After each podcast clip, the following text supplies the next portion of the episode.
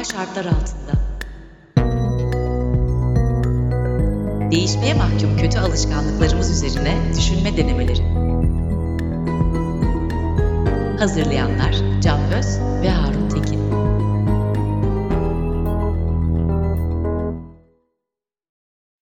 Sokrates Stüdyo'da Anormal Şartlar Altında'nın yeni bölümü Duygusallık, Dürtüselliğe hoş geldiniz. Bugün Harun'la birlikte bunu konuşmadan önce e, programı nasıl yapmak istediğimize dair e, arada biraz konuştuk. Konuya girmeden ona biraz değinmek istiyorum. Harun geçen çektiğimiz 3 bölümden sonra sen de epey de konuştuk aslında. Bir taraftan programları çekiyoruz, bir taraftan programlar bittiğinde konuşuyoruz. Ee, acaba istediğimiz gibi yaptık mı? Acaba bir sonraki bölüm nasıl çeksek? Ne kadar çok bilgi versek? Ne kadar uzatsak? Ne yapsak falan diye diye sonunda 85 dakikalık bir bölüm çektik en son. Onu başardık. evet onu başardık. Bir kere daha kısa bir bölüm çekmeye karar verdik zaten. Artık bu bölümü daha kısa çekeceğimiz kesin diye düşünüyorum. Bakalım program sonunda kredibilitemizi görecek herkes. Ee, ve bununla beraber şeyi de biraz konuştuk. Yani şöyle bir şey yaptık. Biz tabii tecrübesizlikten kaynaklanan bir şeydi bu. Ben açıkçası programları çekmeden önce hep çok tedirgindim. Yani mesela kavgacılığı konuşacağız ve e, abi kavgacılığı konuşmak iyi de Türkiye'de olan biten şeylerin sorumluluğunu nasıl paylaşırız? Nasıl gerçekten olan biteni anlatmadan kavgacılığa gireriz diye tedirgin olup bu sefer bütün hikayeyi anlatmaya çalıştım. Gibi gibi. Bunun şöyle bir etkisi oldu programa. Anlattıklarımda bir sorun yoktu ama çok uzun tiradlarla sözü aldım ve uzun bir konuşmadan sonra sözü sana bıraktım. Ve böylece bir, ben uzun konuştuğum için de sen konuşurken sözünü kesmek istemedim falan. Ben senin sözünü kesebilmek istiyorum abi. Abi kes. Tabii kes. Ben de e, bununla birlikte şeyi gördüm. Bizim kayıtlarda benim tahmin etmediğim kadar fazla ı yaptığımızı gördüm. Evet. Benim özellikle kendime şey yaptığım bir şey bu. Onun için şimdiden bu ı'lar için özür diliyorum. Eğer kaldıysa kayıtlara girme, girenleri kesmeye çalışıyoruz ama yine de fazlasıyla e, akıcı bir konuşma değil. İkincisi şeyi gördüm. Bazı yaptığımız hazırlıklar çok işimize yarıyor. Bazen e, hazırlık yapmamak daha çok işe yarayabilir. Bu konuyu biraz ona uygun bulduk. Evet. Senle yaptığımız konuşmada da bunu uygun bulup böyle giriverdik zaten. Evet öyle. Duygusallık doğru. ve dürtüsellik derken niye böyle bir ismi seçtiğimizi bile aslında neredeyse konuşmadık. Evet öyle. En azından üstünde ittifak ettiğimiz bir şey biliyoruz. Konuşmamız gereken bir şey var. Sen de önceki bölümlerde birkaç kere duygu kontrolünden bahsettin mesela. Hı hı. Öfke kontrolü işte trafikte veya başka yerlerde karşımıza çıkan öfkelerini kontrol edemeyen insanlara duygusal denmesinden bahsettiğim bir an olmuştu mesela. Evet. Bunun gibi duygusallık ve dürtüsellikle ilgili birazcık konuşma ihtiyacımız olduğu dışında hiçbir şey konuşmadık. Evet. Ben sana o yüzden çevireyim mikrofonu istersen. Abi evet en hazırlıksız geldiğimiz yani bir, bir arada hiç hazırlanmadan geldiğimiz tek bölüm bu. Ee, ve daha doğal bir sohbet olur belki veyahut da ben en azından senin sözünü daha rahat keserim. Ee... Kes tabii canım insan bu kadar da söz kesmeye meraklı olmaz ama yani. ben meraklıyım abi. Tabii o işin yani esprisi de bunu... çok uzun sessizlikler. Yani ben çok uzun konuşup ondan sonra sen konuşurken abi bırakayım Harun konuşsun çok uzattım zaten gibi bir refleksten kurtulmaktan bahsediyorum. Yoksa tabii canım senin sözünü zırt. Yoksa aslında beni daha kısa konuşturmak için sen de kısa konuşmayı kabul etmişsin. ya öyle de denebilir ama hayır öyle evet. değil. Ya bu benim için doğallığını kaybettiriyor benim anlattıklarımın yani. Böyle bir şey. Ek gereksiz nezaket giriyor. Aslında kastım o. E tamam onu aslında biz... Yok seni kısa konuşturmak değil. Abi. Aynı odada olmuş olsak herhalde veya bu işi yaparken birbirimizin görüntüsünü kullanmayı akıl edebilsek onu hatta akıl ediyoruz da hatırlamıyoruz sonra. Her bölümde hatırlayıp tekrar unuttuğumuz şeyler arasında yer alıyor. Dur ben bunu yazayım. Ee, muhtemelen yazdım. Tamam ben de yazdım. bunun bunun yanında biz birbirimizi görmeden e, hatta gecikmeli duyarak sonuçta ev koşullarında yaptığımız çok da ideal olmayan ses kayıtları olduğunu da farkında olarak yaptığımız kayıtlarda geldiğimiz noktada aslında fena da bir e, şeyimiz yok bence. Uyumumuz yok doğrusu. Yok yok ben çok kendimizi e, çok da şey yapmayalım, gömmeyelim. Yok yok kesinlikle. Ben çok memnunum. Aldığımız cevaplardan da çok memnunum açıkçası. Abi şimdi tabii yine huyum kurusun dayanamayıp küçük bir araştırma yaptım ben. Hay Allah ya. Bir kadar konuşmadan sonra. o kısa kısa anlatacağım. Bak araştırma şu. Yani şeye baktım abi. Ya bir kere biz tabii ki konuşacağız. Yani duygusal ne demek, duygusal ne demek değil. Bunları ben konuşmak mutlaka istiyorum. Ee, ama önce bir baktım yani hani duygusallığın tanımı, psikolojik tanımı ne bir kere. E, tek bir tanımı yok ama yani en azından duygusal olarak kompleks olmak konusunun iki tane e, tanımı var. Duygusal olarak kompleks olmak da aslında birden fazla duyguya sıkça sahip olmak demek. E, ve bu durumdaki insanlar da şu iki kategoriye ayrılıyor. Doğru anladıysam. Birincisi duygusal diyalektisizm denen grup. Bu gruptaki insanlar olumlu ve olumsuz düşünceleri e, sık sık iç içe, bu duyguları birbirine iç içe yaşayan insanlarken duygusal ayrıştırıcılıkla tanımlanabilen insanlar bu duyguları birbirlerinden ayırt ederek ve tanımlayarak yaşama yetisine sahip insanlar. Şimdi buradan da yola çıkarak şeye baktım. Duygusal kompleksite ile ilgili dünya çapında bir araştırma var mı? Hani Türkiye'yi konuşacaksak Türkiye dünyada haritada nereye düşüyor? Aa, bir araştırma buldum. 2015'te yapılmış Gallup şirketi tarafından. Global Emotions Index araştırması. tamam mı? Ya bunu hatırlar gibiyim gerçekten. Duymuş 2015, olabilirsin. 2015 çok enteresan da bir yıl. Bunun yayınlandığı yıl mı 2015? Valla 2015 sonu veya 2016 olması lazım yayınlandığı yıl. Tamam. Ee, ama datalar tabii 2014 yılına ait yapılan araştırmadaki datalar. 148 ülkede e, insanlara çeşitli sorular sormuşlar. Soruları da aslında iki gruba ayırmışlar. Aynı bu e, duygusal kompleks insanlarda olduğu gibi pozitif ve negatif duyguları e, insanlar ne kadar bir arada yaşıyorlar Bunları tanımlamaya çalışmışlar. Güzel de sorular var. Ya basit sorular çoğunlukla. Kolay cevap verilecek sorular. İşte e, geçtiğimiz gün içinde gülümsediniz mi ve ne sıklıkta gülümsediniz hatırlıyor musunuz? Veya işte bir şeyler. Bunun gibi sorular. Abi ilginç tarafı şu. E, şimdi şeye bakıyorsun. En ilgimi çeken soru o zaten. Gülümseme ile ilgili soru. Ne kadar sık gülümsediniz sorusu. Dünyada 3 ülke dışında bütün ülkeler %50'nin üzerinde oranda gülümsediklerini söylüyorlar. 3 tane ülke var önceki gün gülümsediğini hatırlayan insanların oranının %50'nin altında olduğu Sırbistan, Tunus ve Türkiye. Ve işin kötüsü şu Türkiye %43 ile en düşük Sırbistan'la beraber. Yani dünyada en az gülümseyen ülke olduğu çıkıyor buradan Türkiye'nin. Bu doğru mu bilmiyorum ama yani araştırmanın sonucu bu. Ya buradan hemen ben bir kere bir de- devralabilir miyim bir şey? Buyurunuz lütfen. Yani bütün söyleyeceklerimize dair her şeyi hemen hemen söyleyebileceğin çok acayip bir şey bu. Yani ben bunu bilmiyordum ama bu kadar ciddiyet e, çeşit çeşit şekilde kendini ifade edebilir. Ciddiyet sandığımız şey mutsuzluk daha doğrusu bizim. Yani mutsuzluk çok yakışıyor zannediyoruz herhalde kendimize. Hiç şaşırmıyorum en az gülümseyen yerin burası olmasına çünkü bizim mutsuzluğumuz çok ön planda. Çok mutsuz. Burası çok mutsuz e, bir yer. Fakat bu mutsuzluk ciddiyetle e, zaman zaman karıştırılıyor. Yani sanki mutsuzluk ciddiyet kisvesi altına normalleştirilmeye çalışılıyor. Ağır başlılıkla Bunun belki çeşit, değil mi? Ağır başlılıkla işte zaman zaman böyle ne bileyim ben de, e, bir adam gibi adamlıkla. Ya onlar var tabii işte, e, elin kolun oynamasın. Korkunç şeyler var oynamasın. gerçekten evet. Onlar var ama bir şey var ki yani çeşitli araştırmalara, çeşitli günlük hayatlara yansıyan bir dev bir mutsuzluk var. Yani ve mutsuzluk Nasıl olur peki bu kadar mutsuzluk ayrı bir konu. Fakat mutsuzluğun örttüğü başka bir şey daha var. Ee, sorun çözme kabiliyetinde bir herhalde problem olmalı ki sonuçta biz sorunların kaynağına inmekle uğraşmayıp bir noktada çok duygusallaşıyoruz. Çok çok sık bir şekilde çok duygusallaşarak kaybediyoruz yani. Mevzuyu kaybediyoruz, geleceğimizi kaybediyoruz, potansiyel... Duygusallaşıyoruz dediğinde duygusalın ne olduğuna girelim mi Harun? Girelim. Duygusal şu. Ben seninle konuşurken konu ortadan kalkıp hatta şöyle söyleyeyim. Düşüncelerle kanaatler arasında bir fark var aslında. Hı hı. Yani Süper.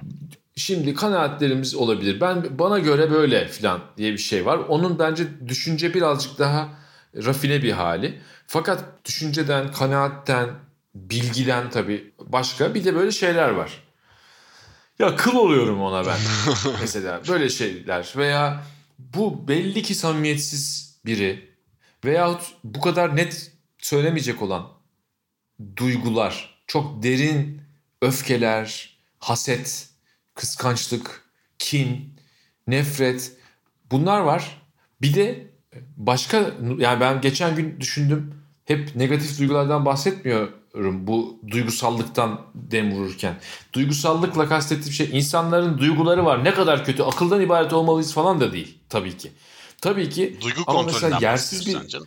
Yani duyguyla akıl arasında kaybolmaktan bahsediyorsun sonuçta canım. Yani akılla karar vermen gereken bir konuda aklı devre dışı, dışı bırakıp e, duygularınla hareket etmekten bahsediyorsun. Bu çok övülen de bir ya şey evet, olmakla biz... beraber e, toplumsal evet. mevzularda korkunç sonuçlar verebiliyor ki biz zaten geçen programlarda bunlara epey de değindik. Ya bütün hepsinin bir, bir arada konuşulabildiği bir konu daha bu işte. Yani biz bir romancının kariyerine belki akılla bakıp ya romana biraz daha duyguyla bakabiliriz filan. Tam tersini yapıyoruz. Yani adamın hayatını öfkelenip romanında hata arıyoruz. evet bu tabii sanat tarihinde çok değişmeksizin olmuş bir şey ama e, yine de abi şunu sorgulamak istiyorum. Yani duygu dediğimiz şey e, duygusal dediğimiz şey konusunu biraz daha deşmek lazım bence. Şöyle ki.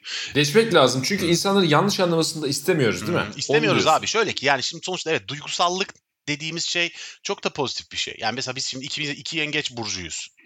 Bizim çok sık yaptığımız bir espridir hani her an ikimiz birlikte evet. ağlayarak odayı terk edebiliriz diye. Ee, en evet. duygusal burç olduğu söylenir. Bu iyi midir, kötü müdür, nedir ama bunun tanısı şudur. Yani işte üzülebilen, hüzünlenebilen, e, duygularından dolayı harekete geçmekte zorlanabilen bir tip olduğunu e, iddia eden bir tanım bu. E, ama bizim duygusal akastımız aslında şu. Çok çok önemli bir ayrım bu.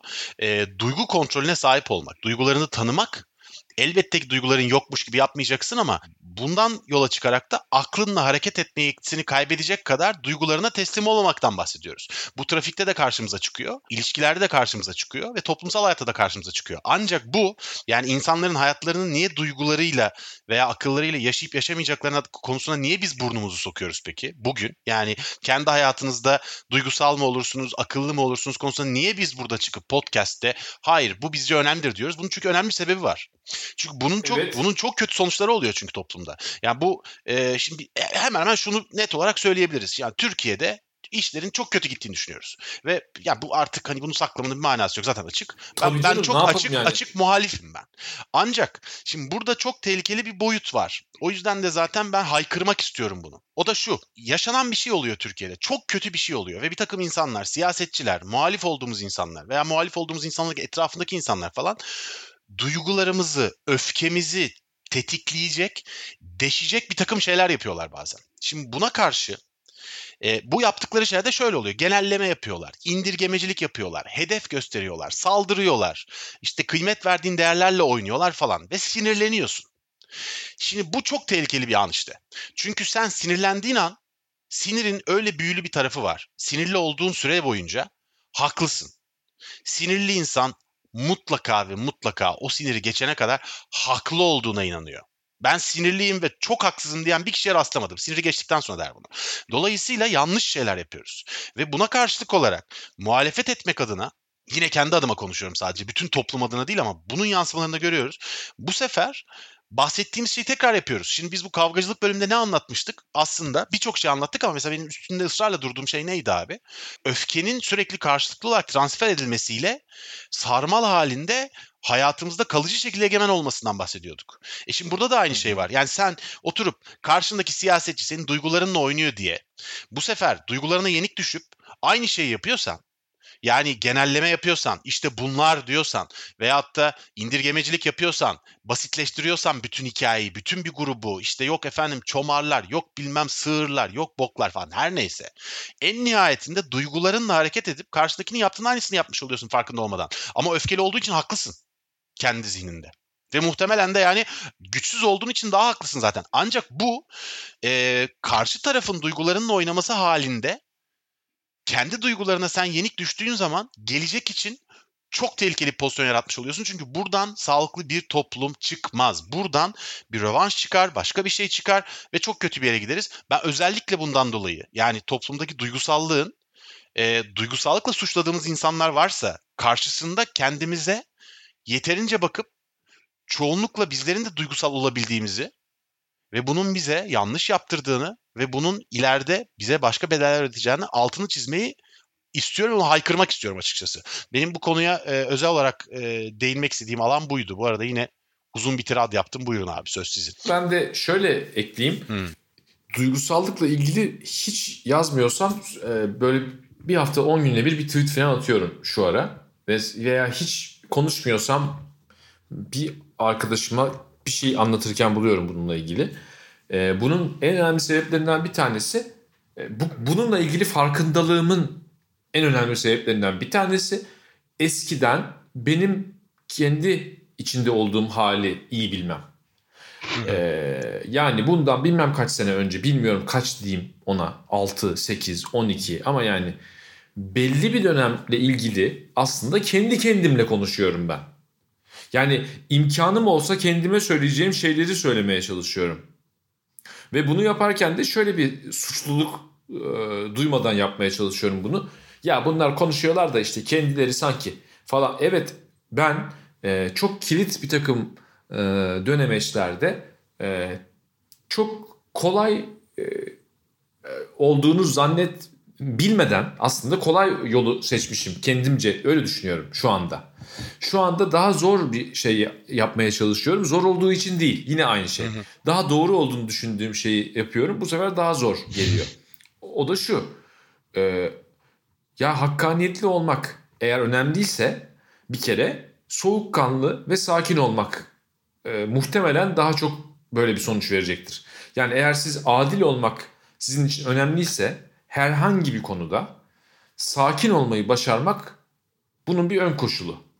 Bence öyle. Yani bir yandan insan adrenalini 140 iken ve bir, birisine ba- bağırırken bir yandan adil olamaz diye düşünüyorum. Çok zor abi. Yani belki mümkündür ama çok zorladığı kesin. Ya yapabiliyorlarsa da ne bileyim. Çok zorladığı kesin abi. Bunu bir kenara yazalım tamam mı? İkincisi daha stratejik bir perspektiften de bakınca aynı sonuca geliyorum. Hı. Yani ben doğruyu yapmaya çalışıyor olmayayım diyelim ki içimden de böyle gelmesin. Ben kendimce toplumda bir etki oluşturmaya çalışıyor olayım. Veya toplum da demeyelim yani. Etrafımdaki insanlarda veya işte hı hı. sende hı hı. konuştuğum herhangi birinde. Hı hı.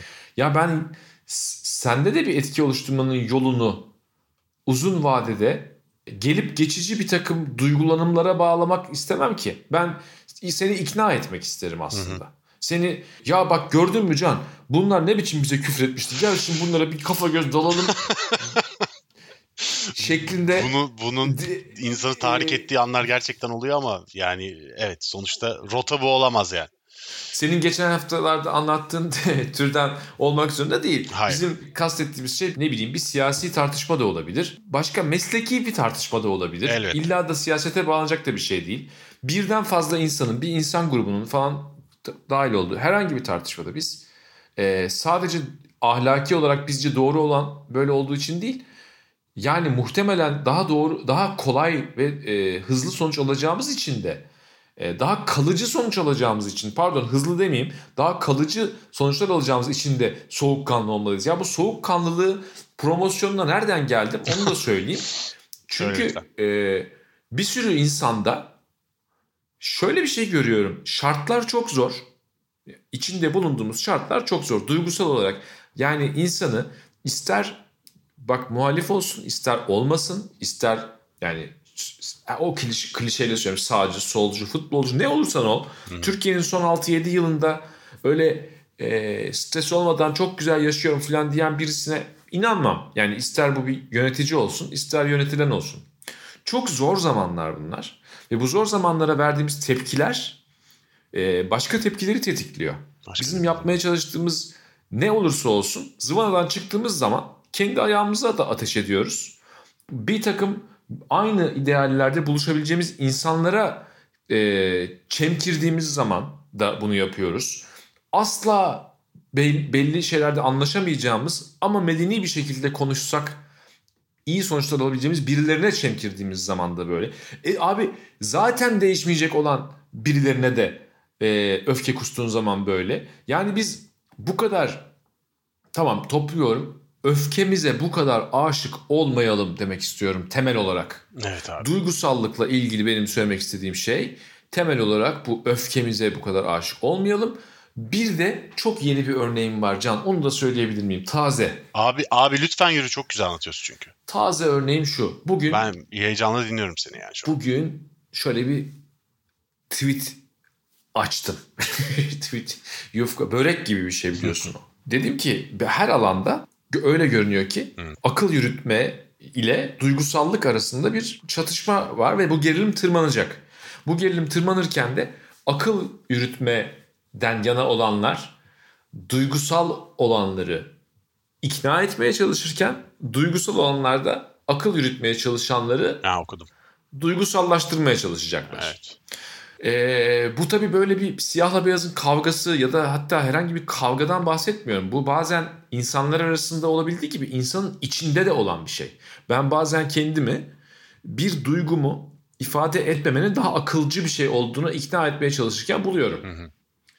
Ee, bazen de e, kendimi bu kadar akıllı e, ak, bu kadar akıl akıl yürütmeyle hareket eden birisi olmak için bu kadar uğraşma. Yeter artık. Aç o duygunu derken de... Bir de bunu bu kadar yapınca da bazen kendini biraz android gibi hissetmiyor musun? Hissediyorum. Ama, ama e, yani bugünkü meseleden yola çıkarak söylemek istediğim şu. Bunu yazdıktan sonra gelen bir tane cevap vardı. Hmm. Gördüğümde baktığımda da yani pekala çok fazla konuda anlaşabileceğim birilerine benziyor diyeyim de, cevabı yazanesi. Akıl o kadar çok şeye mal oldu ki bütün savaşlar böyle çıktı. İnsanoğlu dünyayı böyle mahvetti ve işte yaşasın duygusallık gibi bir şey gördüm. E, idam tamam fermanları bu, kalemle yazıldı diye kitap yazılmasın demeye benziyor bu. Ne kadar saçma bir iddiaymış. Ya öyle demezdim ben. Çünkü e, sonuçta bu bir duygusal refleks. Yani sen eğer bir e, böyle bir cümle duyarsan ve sen aslında mesela duygularını ve duygusal olmayı çok seviyorsan sana sanki yeter artık bu duygular kardeşim birazcık akıllı olun denmiş gibi gelebilir. Hı hı. Ben de aslında öyle demediğimi anlatmaya çalışmak için anlatıyorum. Demeye çalıştığım şey e, sizin gündelik e, hayatta e, hissedebileceğiniz duygular kötü şeylerdir falan gibi bir şey değil. Ne haddimize. Ne haddimize. Evet. Ama bizim zihin haritamızda bu kadar çok duygu yoğun olunmaması gerektiğini düşünüyorum. Nasıl buna vardım? Çünkü duygularımıza ateş ediyorlar. Sen az önce bahsettin. O tiradında bahsettin. Hı hı. Türkiye'de bir grubu, bir grup insanı zıvanadan çıkarmanın çok kolay bir yolu var. Onların bir tane şifresi var. O şifreyi kırıp oradan ateş ediyorsun. Diyorsun ki mesela ne bileyim ben ya meselasını da söyle, yani söylemeyeyim de. Söyleme. Yani öyle bir şey yapıyorsun ki. Herkes anladı zaten. Bin tane yolu var. Evet. O grup insan zıvanadan çıkıyor. Zıvanadan çıktıkları andan itibaren artık zaten senin hiç başka bir şey daha yapmana gerek kalmadı. Hı hı. Ya bu, bu, bu çok büyük bir bedel. E işte bahsettik Öyle geçen mi? yayınlardan birinde 6-7 Eylül olaylarından mesela. Bir tane haberle patlıyor iş. Bir tek haberle patlıyor ya. Tabii, çok, çok, tabii, çok, tabii. Çok, o bir provokasyon. Yani. O, o bir provokasyon. O o bir belli bir e, şey o. Yani o linç kültürü onun içinde eğitimsizlik falan var. İşte ne bileyim ben e, bir sürü yani bunu hafifletici sebep olarak söylemiyorum ama benim bahsettiğim şey öyle herhangi bir kitleyi veya bir güruhu harekete geçirmekten bahsetmiyorum. Sen pekala hmm, bir grup insanı kardeşim tamam da sizin de şu senelerdeki haliniz pek iyi değildi dediğinde bile Anladım. şey yapabiliyorsun. Anladım. Çok Akıldan, daha, mantıktan... çok daha basit seviyelerde diyorsun. Çok daha kolay yöntemlerle diyorsun. O kadar kompleks provokasyon sistemlerine gerek kalmadan diyorsun yani. Kalmadan. Hmm. Zaten akıllarını e, şey yapmış oluyorsun aslında. Hmm. O o tuşu o tuşu kullanamıyorlar artık yani hmm. insanlar. Hmm. Manipüle ediyorsun yani. Manipüle ediyorsun. Hmm. Ve bunun bunun e, bedellerini anlatabilmek için şöyle düşünmek lazım. Şu anda biz mesela bir e, ne olacağını kimsenin bilmediği işte 2020 yılının Mayıs ayının sonundayız. Belki hiç zannetmediğimiz şekilde hızla bu salgından çıkacağız. Belki ikinci dalga olacak. Belki e, bir buçuk sene daha böyle yaşayacağız. Hiç bilmiyorum. Zannetmiyorum Senle... ya. Neyse konuşuruz. E bu tamam. Bu kaydı başladığımız sırada daha da bilmiyorduk filan. Tabii. Ama ama bu bil, bilmediklerimize rağmen bazı şeyler değişmiyor. Birisi çıkıp mesela belli bir anda, tarihin belli bir anında çıkıp belli bir konuşmayı yaparak son derecede akıllı olduğunu bildiğin bir sürü insanı tek bir cümleyle paralize edebiliyor. Tek bir cümleyle. Yani bu kadar kolay manipüle edilememesi lazım. Kendisini akıllı, çağdaş, işte falan diye düşünen insanlar. Ben nereden biliyorum olabildiğini ben de oluyordum. O yüzden e ben hani hala alıyorum dışarı abi. oluyorum olmamaya çalışıyorum. Bu evet. filtremi geliştirmeye çalışıyorum. Evet. Öyle söyleyeyim. Evet, çok kolay değil hakikaten. Yani değil. Ve dürtüsellik, duygusallık diye de söylediğimiz şey bir de onun içinde bir tane şey var. Yani işte duygu birazcık böyle şey gibi. Ee, eğer sen, sen erkek tipi olarak Recep Vedik varsa eğer senin karşında o adamın tabii ki bazen bir duygu ifade etmesini arzu da edebilirsin yani. Ama bir de dürtüsel dediğim şey e, onun yanına hemen koyduğum şey çok derinden gelen bir güdüyle yok etmek istemek. Yani Türkiye'deki o kadar çok insan birbirini yok etmek istiyor ki bazen bu çok tehlikeli bir şey. Bu kadar yok etme arzusu korkunç bir şey bu yani. Ben adam benim gibi düşünmüyor. O zaten belli ki bunu da ikna edemeyeceğim. Buradaki şeyi görüyor musun abi? Yani abi her gün döngü döngü var burada. Her adam gün. senin ikna edemeyeceğini düşündüğün adamı yok etmek istiyor olabilirsin bugün. Daha kötüsü şu yok etmek isteme gerekçesi karşındakinin seni yok etmek istediğini düşünme. Evet büyük ihtimalle haklı da olabilirsin. Hayır, hayır, haklısın zaten büyük ihtimalle çok bariz bir şekilde. Hayır şöyle haklı derken senin de söylediğin haklı benim de söylediğim ha. haklı bu arada şey. Yani kendini haklı hissediyorsun o sırada. Tabii tabii onu. Istiyoruz. Onu diyorum zaten. Yani evet. evet yani ve gerçekten de öyle olabilir de e, ama buradaki oksimoron şu. Yani karşındakini yok etmek isteme gerekçen onun seni yok etmek istemesi ise o zaman karşıdaki haklı. Tabii. Çünkü sen de onu yok etmek çünkü istiyorsun. Çünkü bunun makul e bunun makul bir gerekçesi olabilire getiriyorsun. Yani sen insanları suçladığın şeyi yapar halde buluyorsun kendini sık sık. Yani bu bir şeyde de çok gördük. Yani mesela tutuklayın şunu laflarında. Yahu evet. yani sen değil miydin bu kadar zamandır düşüncenin özgür olmadığını iddia eden Türkiye'de? Yani nasıl tutuklamayla çözeceksin sen düşünceyle ilgili bir problemi? Ve bunu her yerde görüyoruz. Ve bunu şeyde de görüyoruz. Türkiye'de azınlık tartışmalarında, Kürt, Kürt Türk meselesinde görüyoruz. İşte yok partiyle o partiyle bu parti her konuda e, konuşmayı imkansız hale getiren bir tip çıkıyor ortaya hemen. Ve dediğin gibi paralize oluyor toplum. Oysa ki konuşulması gereken konular olduğu bunların açık. Yani toptancı davranamazsın. Duygusal olabilirsin ama duygusal da duygudan yola çıkarak davranamazsın. Ve bu kadar kolay olamaz hiçbir şey. Yani çünkü Türkiye'nin önünde yani önümüzdeki 50 seneye bakalım. 50 sene boyunca hangi konular bizim için problem olacak? E bu konuların hepsi akılla çözülebilecek şeyler. Demek ki konuşmamız ve üzerine düşünmemiz gereken konular. Yani böyle duygulardan yola çıkarak gebertelim, vay eşşoğlu eşekler, işte şerefsizler falan. Tamam belki haklısın öyle hissetmekte. Ama böyle davranarak nereye varacaksın? Nereye çıkacaksın? Ya hesap yapılacaksa şimdi şu hesap yapılacaksa diye başladım mesela orada bile bazı kelimelerin böyle şeyleri var ya plan yerine pilav demiştik mesela geçen sefer. hesap yapmayın ulan hesap. İşte başkalarının tasarımlarına biz pabuç bırakmayız. Yani böyle artık neredeyse bir e, ve bu bak bu, bu şunu rahatlıkla söyleyebiliriz. Bu bahsettiğimiz türden bir düşünce düşmanlığı bu ve bu düşünce düşmanlığının kökleri evet sağda diyebiliriz yani. Sağcılık dediğimiz e, şeyden bahsedeceksek maalesef bunun içinde popülizm mi yoksa bunun kökleri var ama orada var diye sadece orada yok. Yani bizim hep ne sağcıyız ne solcu futbolcu futbolcu takıldığımız çok güzel bir şey var yani. Ya bir şey var yani bu, bu lafın büyük bir hakikat var gösterdiği. O hakikatte şu. E, her toplumsal kesimde, her düşüncede insanın bir arada yapabildiği bir şey olarak duygusallaşma. Yani herkes ne kadar da nefret edebiliyor böyle. Yahu ne kadar beğenmiyoruz biz böyle bir diğerini. Ne kadar da hızla parlayabiliyoruz. Ne kadar da o kutsal ideal uğruna işte artık o neyse dava uğruna ne bileyim ben bir şey yani birlikte tehdit algıladığımız zaman kralı gelse tanımayız. Ya çok iyi fakat çoğunlukla kralı gelmiyor. Bir. Evet hani doğru. Birincisi yani o kadar büyük bir meydan okuma genelde gelmiyor. İki, kralı gelince de genellikle o kadar öyle pek anlatıldığı gibi davranılmıyor yani. O sırt kabartma hareketi o hayvanların genellikle çiftleşme öncesi yaptıkları hareket aslında. Ortada bir çiftleşme falan da yok sonuç olarak. Dolayısıyla o zaten bir rol, bir poz yani. Onu çok da ciddiye almak lazım. Ama e, nihayetinde bu küçük şekilci hareketleri bir kenara koyarsak e, çok derinlerde de var olan bu e, duyguyla hareket etme eğilimi bence senin daha önceki programlardan birisinde söylemiştin. En aklı başında olduğunu zannettiğimiz insan bu tuzağa çok kolaylıkla yenik düşüp karşımızda birdenbire bütün e, tanıdığımız kişiyi yıkabiliyor bir anda.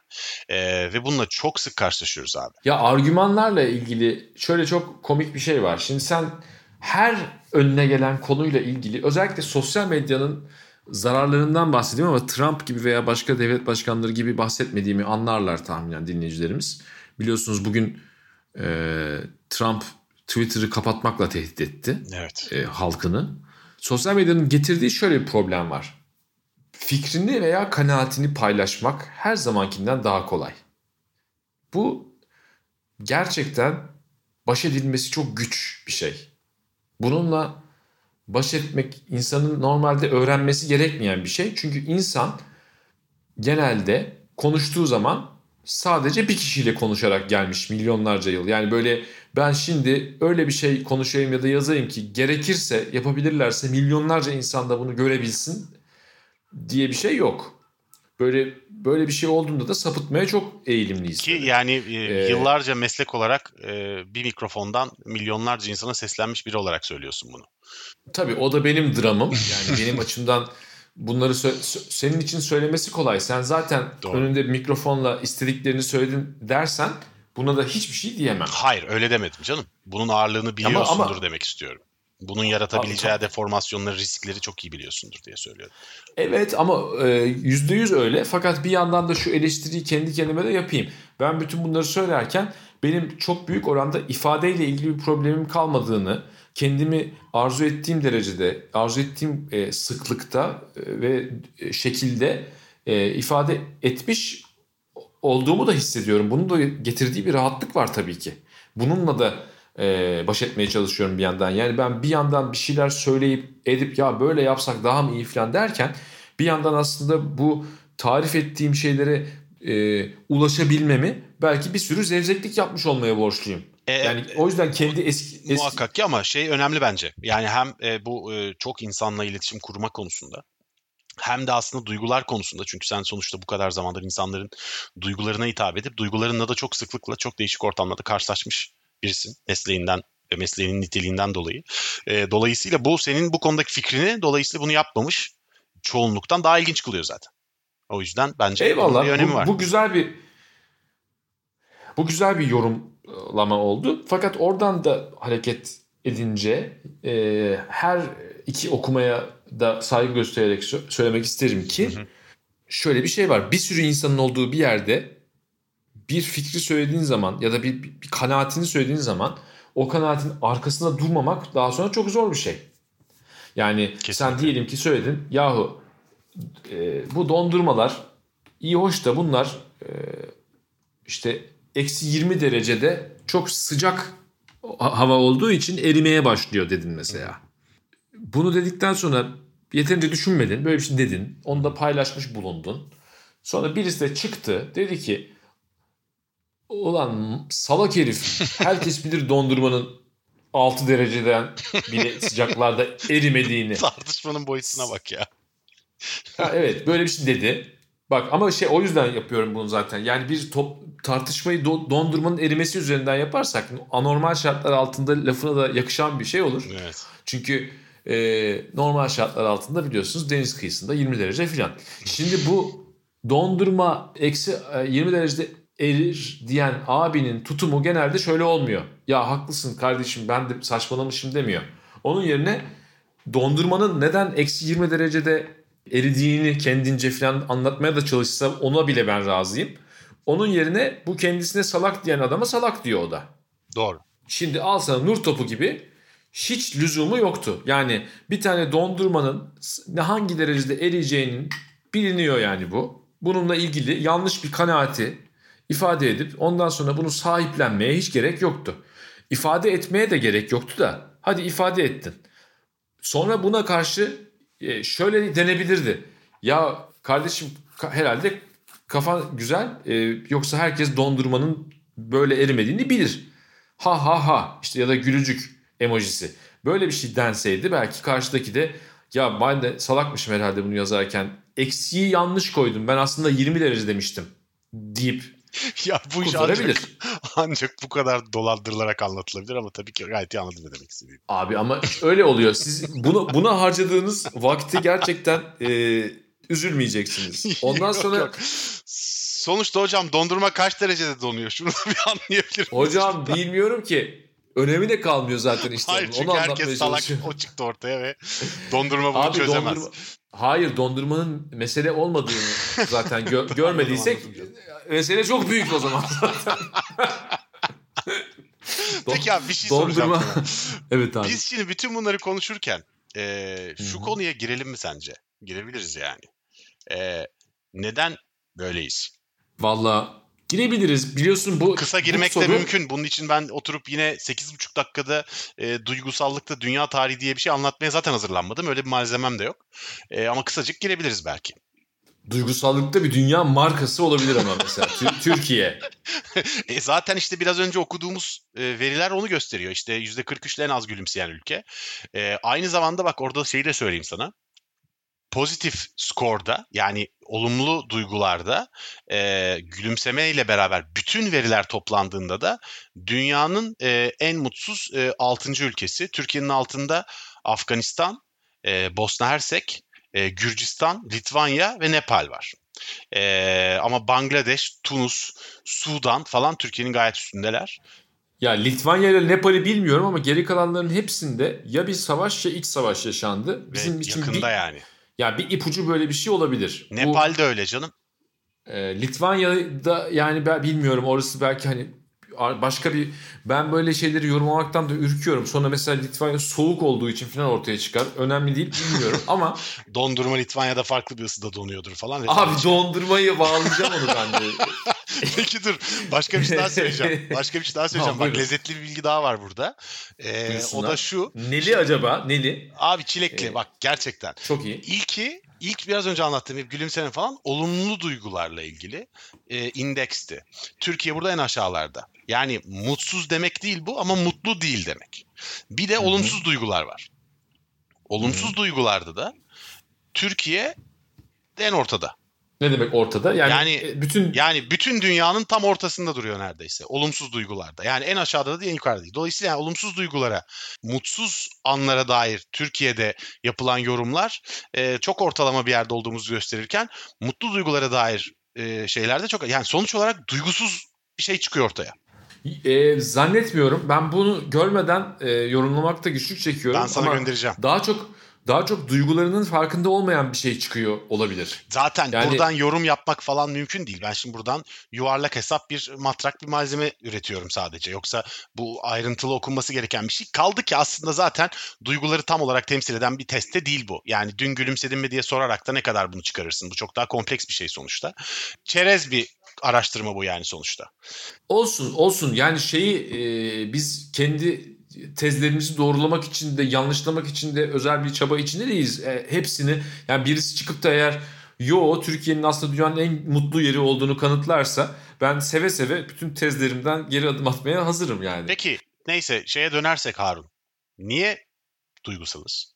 Evet abi bizim iki e, konu var. Hep konuşmak istiyoruz. Bazen konuşuyoruz, bazen konuşamıyoruz. Ama hep konuşmak istiyoruz. Bir tanesi niye böyleyiz? İkincisi ne öneriyorsunuz kardeşim? yani bunların ikisi de çok büyük konular. Bir tanesi mevzunun geçmişini, bir tanesi geleceğini ilgilendiriyor.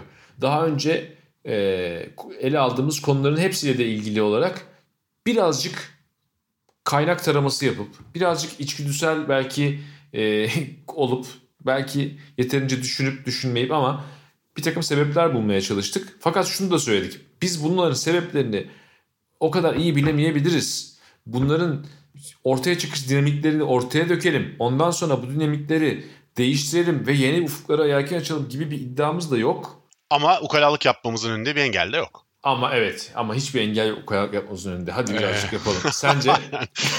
ya abi e, şimdi şeye bakıyoruz. Mesela bu duygusal denen toplumlar işte mesela Akdeniz toplumları veya işte Türk toplumu için falan.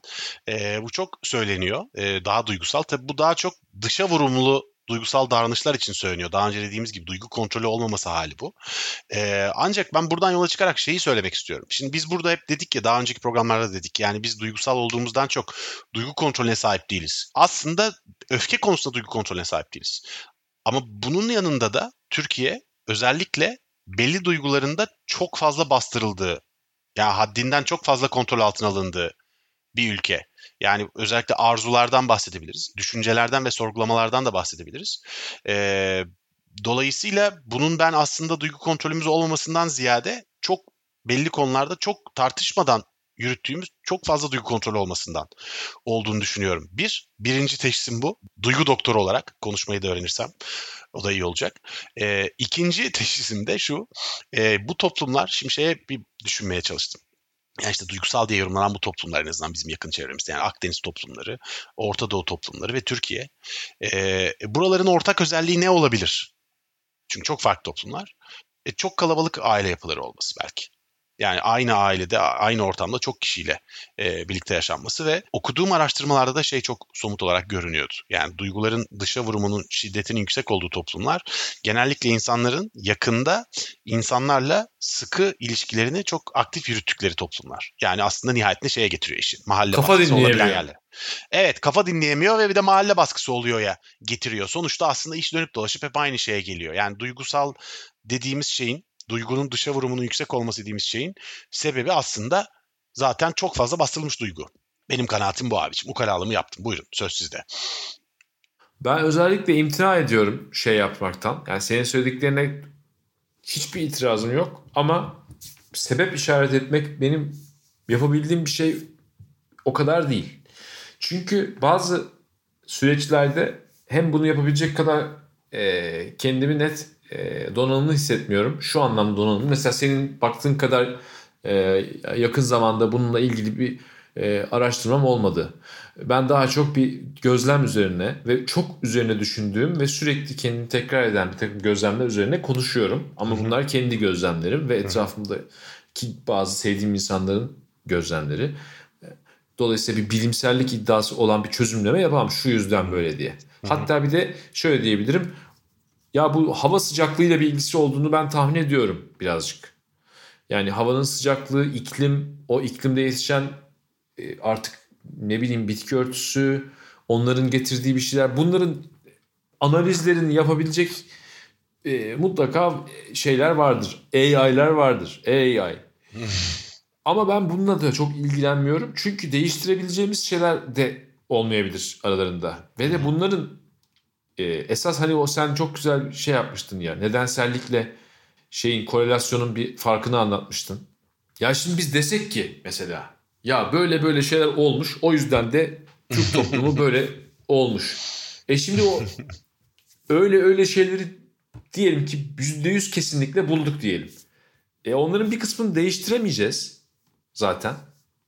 Yani onların bir kısmını değiştirmek zaman alacak, bir kısmı asla değişmeyecek, çok direnecek. Bir kısmı fiziksel gerçeklik mesela belki da, ne bileyim ben işte bitki örtüsü ya da denize yakınlık ne bileyim ya, bunlar belki abi, ya da şehirleşme bunlar belki değişmeyecek ama bunlar illa bu sonucumu verecekti. Ben oradayım. Abi burada burada bir bilimsel araştırma belki bulmak çok zor. Zaten çok muğlaklıkta barındıran bir konu ama bunun için mutlaka önerilebilecek okumalardan bir tanesi şüphesiz ki şey e, Ami Maluf Ölümcül Kimlikler abi. Yani çok güzel anlatıyor. E, çok çok güzel anlatıyor. Bunun yanında şeyi önerebilirim e, dinleyicilere. İnsanların duygusal davranışlarının nereden çıktığını evrim üzerinden çok iyi anlatan Desmond Morris Çıplak Maymun önerilebilir. E, hmm. Bir de yine Sapiens e, okumuştur dinleyicilerin birçoğu bir kısmı. E, insanların davranışlarının duygusallaşması ve duygunun dışa vurumunun aslında insan uygarlığının devamlılığında ne kadar önemli bir yeri olmuş olduğunu da anlatıyor. Bu okumalar aslında muhtemelen benim yaptığım analizlerden daha ilginç olacaktır. Ama sana da ayrıca, Ama teşekkür, yok. Ed- sana da ayrıca teşekkür ederim. Yani ukalalık yapayım diye bir kere ortaya çıktıktan sonra bana 45 dakika niye ukalalık yapamayacağımızı anlattın. Hayır, hayır. Şaka yapıyorum abi, şaka yapıyorum. Takılıyorum, takılıyorum abi aşk olsun. Vallahi onu kastetmedim. Kastettiğim aşk şey olsun, aslında birazcık senin kadar cesur değilim demek istemiştim. Yoksa Yoksa ee, Baba senin... takılıyorum. Vallahi takılıyorum. Zaten ukalalık diye Yok yok ben estağfurullah.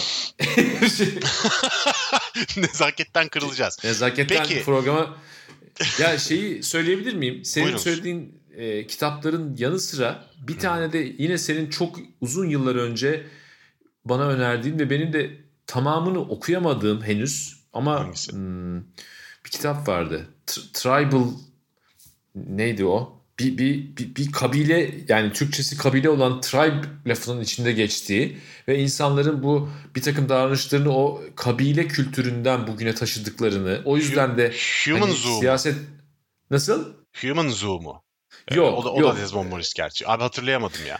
Neyse ee, e, hatırlarsak bunu şey yaparız. E, başka bir sonraki bölümde adını söyleriz. Öyle yapalım. Ama benim gelmek istediğim nokta farklı. Bir aynı zamanda rahatlamak istediğim bir şey bu. Ben tahmin ediyorum ki bu memleket kurtarma meselesinin bizim üstümüze düşen kısmını yapıyoruz şu anda. Babalarımızdan gördüğümüz e, şekli vardı. Abi programın Veya, adını geliştirilmiş berber sohbetleri olarak güncelleyebiliriz an itibariyle. Bence yapabiliriz ama aslında bunun çok içtenlikle söylüyorum. Çok işe yarayabilecek bir yanı var. Ee, Çünkü ee, ben de öyle düşünüyorum abi kesin. Ben abi söylediğimiz şeye gönülden inanıyorum bak. Yani bu duygusallıkla ilgili bir taraftan hem keyifli bir program yapmaya çalışıyoruz, burada muhabbet ediyoruz, dinleyiciler de biz de eğlenelim falan diye ama burada altını çizdiğimiz bir yer var ortada. Ee, ben zaten kendi adım onu söyleyerek programı da kapatabilirim. Çünkü benim söylemek istediğim hep o, sadece o. Aslında daha önceki programlarda da oydu.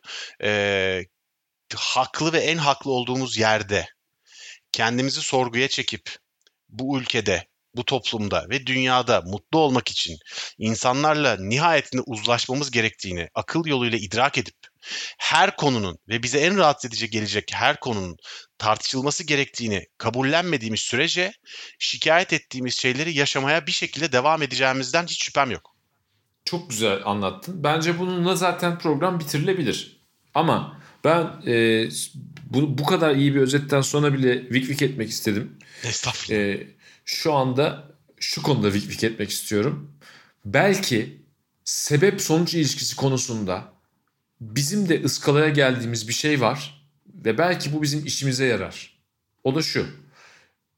Konuşuyoruz, kavgacıyız. Konuşuyoruz, işte fanatikiz biz. Konuşuyoruz, e, karmaşıklıktan korkuyoruz. İşte bugün de konuşuyoruz. Mesela e, biz bugün ne diyoruz? Dürtüsellik ve duygusallıktan muzdaribiz. Bunları değiştirmek istiyoruz belli ki. Bunu da söyledik. Bunları değiştirmenin yolunun bunları olur ortaya çıkaran sebepleri değiştirmek olduğunu düşünüyoruz ya. İçimizde bir yerde bu bilgi var. Evet. Bak belki burada e, başka türlü işleyen bir şey olabilir. Benim tek umudum da bu aslında. Yani bir takım sonuçları onlara yol açan sebeplerden başka bir şeyleri değiştirerek de değiştirebiliriz. Çünkü söz konusu şey insan burada. Hı hı. Belki de buna ecnebiler long shot diyor ama yani böyle olmaması daha muhtemel diyelim yani. Ama olacaksa da yani buradaki ortalama sıcaklık, işte insanların hane halkının ortalama kalabalığı, işte ekonomik veriler, yani bunların hepsini birden çok büyük bir hızla değiştirmek e, mümkün olmayacak. Belki hangilerini değiştirebileceğimizi bir de bunun dışında gerçekten bugüne dair mesela şunu görmek lazım. Demografi üzerinde siyasetçilerin konuşmalarının çok ciddi bir etkisi yok ya. Adam hani çocuk yapmayın deyince yapmıyor. Çocuk yapın deyince yapıyor değiliz ya. Bütün dünyada ekonomik refah arttıkça çocuk ya konuşma düşüyor. açısından bu doğru olmamakla beraber yani nüfus planlaması Osmanlı'nın çok e, özellikle hani 16. yüzyıldan beridir e, Türkiye'de çok bir şekilde kontrol altına aldığı bir konu ve Türkiye'de de nispeten e, devlet politikalarının çok etkilediğini söyleyebiliriz. Bu aslında söylemde olmasa bile politikayla çok etkilenen bir konu Harun ya. Çok güzel bir kitap vardı bununla ilgili ama neyse şimdi uzatmayayım konuyu. Pardon buyur abi. Yok politikayla etkilenebilir zaten ama e, mesela onun tam tersi yönde konuştun diye bir takım etkileri yok edemiyorsun. Onu söylemeye çalışıyorum. Doğru. Zaten yani, yani... ekonomi ekonomi öyle ya da böyle ilerlerken insanları mesela e, çok daha fazla çocuk sahibi olmaya konuşarak ikna edemiyorsun. Buradan hareket edince evet, evet, bizim de belki bizim de belki normalde olmayacak bir şeyleri konuşarak oldurmamız kolay değildir. Buna geçiyorum argümanın ikinci aşamasında. Virgül fakat belki öyle bir şey yakalanırız ki hep beraber işte o da bizim senle beraber açtığımız ama başka bir yerlerde yankı bulacak olan tartışmalar sonucunda o zaman belki bir takım sebepleri değiştirmeden başka bir takım şeylere dokunarak yeni sonuçlar alabiliriz. Belki yeterince insan başka türlü davranmaya ikna olabilir. Başka türlü davranması muhtemel olmadığı halde bu değişim mümkün diye düşünüyorum. Çünkü bunun içinde de şöyle bir şey var. Birazcık ne olduğunu tarif etmenin zor olduğu bir şekilde Türkiye'nin potansiyeline inanmak diye bir şey var ya. Yani onu söylemekten korkanlardan olmadım son yıllarda bile. Ben Niye korkasın konu... zaten? Niye, Niye korkayım? Abi? Çünkü Niye Türkiye Tür Türkiye üzerine konuşmak ve onunla ilgili güzel şeyler murad etmek e, evet, çok tepki da, çekiyor ama yani bu aynı yani, zamanda çok içeriden hayatımızı derinden etkileyen bir konuyla ilgili temel inancımız tabii ki söyleyeceğiz abi. Öyle değil mi? Evet, evet. Ben de bunu bunu e, utangaç olmayan bir edayla ifade etmek isterim. Tabii Bütün ki. bu yaptığımız şeylerin içinde yine belki de somut koşullarda çok fazla gerekçesini bulamayacağınız ama çok kuvvetli bir inanış var yani. İnanış derken bir bir bir kanaat. belki a, kanaat, belki bir arzu, belki bir sezgi ama illa da düşünülmüş, taşınılmış bir bilgi değil. Yani dürtüsellik ve duygusallıkla biz beynimizin bütün e, düşünülmemiş şeylerini e, bir çukura atıp yok etmekten bahsetmiyoruz. Ne demek? Ne haddimize? Ben şarkı yazarı olarak sen edebiyatın içinde yetişmiş bir insan olarak nasıl böyle bir şey diyebiliriz? Evet. Biz her şeyin yerli yerinde olmasından bahsediyoruz. Sezgi bence insan zihninin çok önemli bir şeyi parçası. Dürtüler, içgüdüler bunlar yani olmasın deyince olmayacak şeyler değil. Duygular ifade edilmesi lazım olan bir takım şeyler. Fakat yani bütün bunların yanında bir de bu kadar milyon yıllık bir tarihçemiz var burada. Şu saksıyı biraz daha çalıştırıverelim diyoruz yani aslında. Yapabiliriz. Yapabiliriz bence. Ben yapabileceğimize çok e, yüksek bir inançla ve kanaatle bağlıyım Harun. Peki toparlayalım mı programı? Kapatalım mı ne dersin? Toparlayalım. Bir saat. Toparlayalım. Evet neredeyse bir saat olacak. Bu arada bu saatlerin ne kadar e, şey dakika söylediğimiz zaman daha sonra bakıyoruz ki bazen şey olmuş kesilmiş. Kesmiş, bir şey olmuş. Eğer e, 51-52'de olursa lütfen kusura bakmayın. Biz kendimize çok önemli bir yer saklamıyoruz yani. Iğları falan kesiyoruz. 6 dakika gidiyor zaten. Aynen. Ama ben bu arada şey yapmak istiyorum. Bir gün bir programlar bittikten sonra sadece ığlarımızı arka arkaya getirip bir ses dosyası haline getirip bir izleyelim. Gerçekten bir Clockwork Orange gibi. E, bizlere bir ders olsun ikimize de. Ya ben bu de arada bu arada yeri geldi diye söylemek zorundayım. Planlasam olmaz ığlarımızı kesip biçmek dediğin zaman aklımıza Türkiye müzik sahnesinde çok önemli bir arkadaşımız Koray Can Demir gelir. Hmm. Koray Can Demir'in e, tam e, herhalde geçtiğimiz cuma yayınlanan diyebilirim programın yayın tarihini düşünerek. Oysa şu an için yarın gece yayınlanacak falan diyebilirdim. Yeni single'ına selam edelim ve de selam ederken şunu niye yapalım? Çünkü bir Instagram'da bir hesap şey yapmış. Koray Can Demir hıalarını birbirine yapıştırmış. Biz de onu bir buçuk dakikalık bir şekilde kendimize e, rehber alarak ığlarımızı birleştirerek bir şey yapabiliriz diye düşündüm. Bunu yaparken de e, Koray Can Demir'in konserinde benim yanımda dururken konserin bütün e, havasını kaçırırcasına birdenbire yüksek sesle Koray'a beni unfollow ettin diye bağıran Doğru Cel'e de bir selam geçelim şuradan. ee, evet ya. Mükemmel. Bununla beraber Bundan... bir tavsiye daha vereyim öyleyse. Çünkü bir şey e, sen doğmamış çocuğa don biçmek diye bir şey söyledin bir ara. O zaman programı bitirirken bir kitap tavsiye edelim. Çünkü çok sevdiğim bir kitap aklıma geldi. E, Oriana, Oriana Fallaci'den Doğmamış Çocuğa Mektup. E, Oriana Fallaci bu 1975-76'da yayınlanan kitap. Burada e, aslında kariyerine çok düşkün, kariyerine aşık bir kadın ve hamile kalıyor ve çocuk yapıp yapmamak konusunda müthiş bir kararsızlık yaşıyor. Ama tabii bu kararsızlık sürecinde o doğmamış çocuğa mektuplar yazarak hem hayatın nasıl çalıştığını e, hem de dünyanın nasıl adil olmadığını e, uzun uzun anlatıyor. Müthiş bir mektuptur. Yani hani duygusallıktan muzdaripseniz biz Harun'la ikimiz de konuştuklarımıza bakmayın. Fena halde öyleyiz. Çok bir araya gelir de dertleşiriz. E, o zaman bu kitap size çok da hitap edecektir. Çok çok güzel bir kitaptır. Mutlaka tavsiye ederim yani. Ya güzel oldu bu iş. Bence zaten bir noktada bu varoluşsal kaygılarımızı bir kenara bırakıp e, şeyler, kitaplar, müzikler üzerine konuşmamız lazım diye Kesinlikle, kesinlikle. Seninle bir kitap bölümü mutlaka yaparız abi. Çok keyifli olur. Ee, bir dahaki bölümün ne olacağına daha karar vermedik Harun'la. Birkaç tane olasılık vardı aramızda. Yani e, şeyi konuşmuştuk. Gurur meselesini konuşmuştuk. Tutarlık çılgınlığını konuşmuştuk. Bu programı çektikten sonra aramızda karar vereceğiz. Öyleyse sevgili dinleyiciler, anormal şartlar altındanın bir bölümünün daha sonuna geldik. Bir dahaki bölümde görüşmek üzere sevgiler. Görüşmek üzere.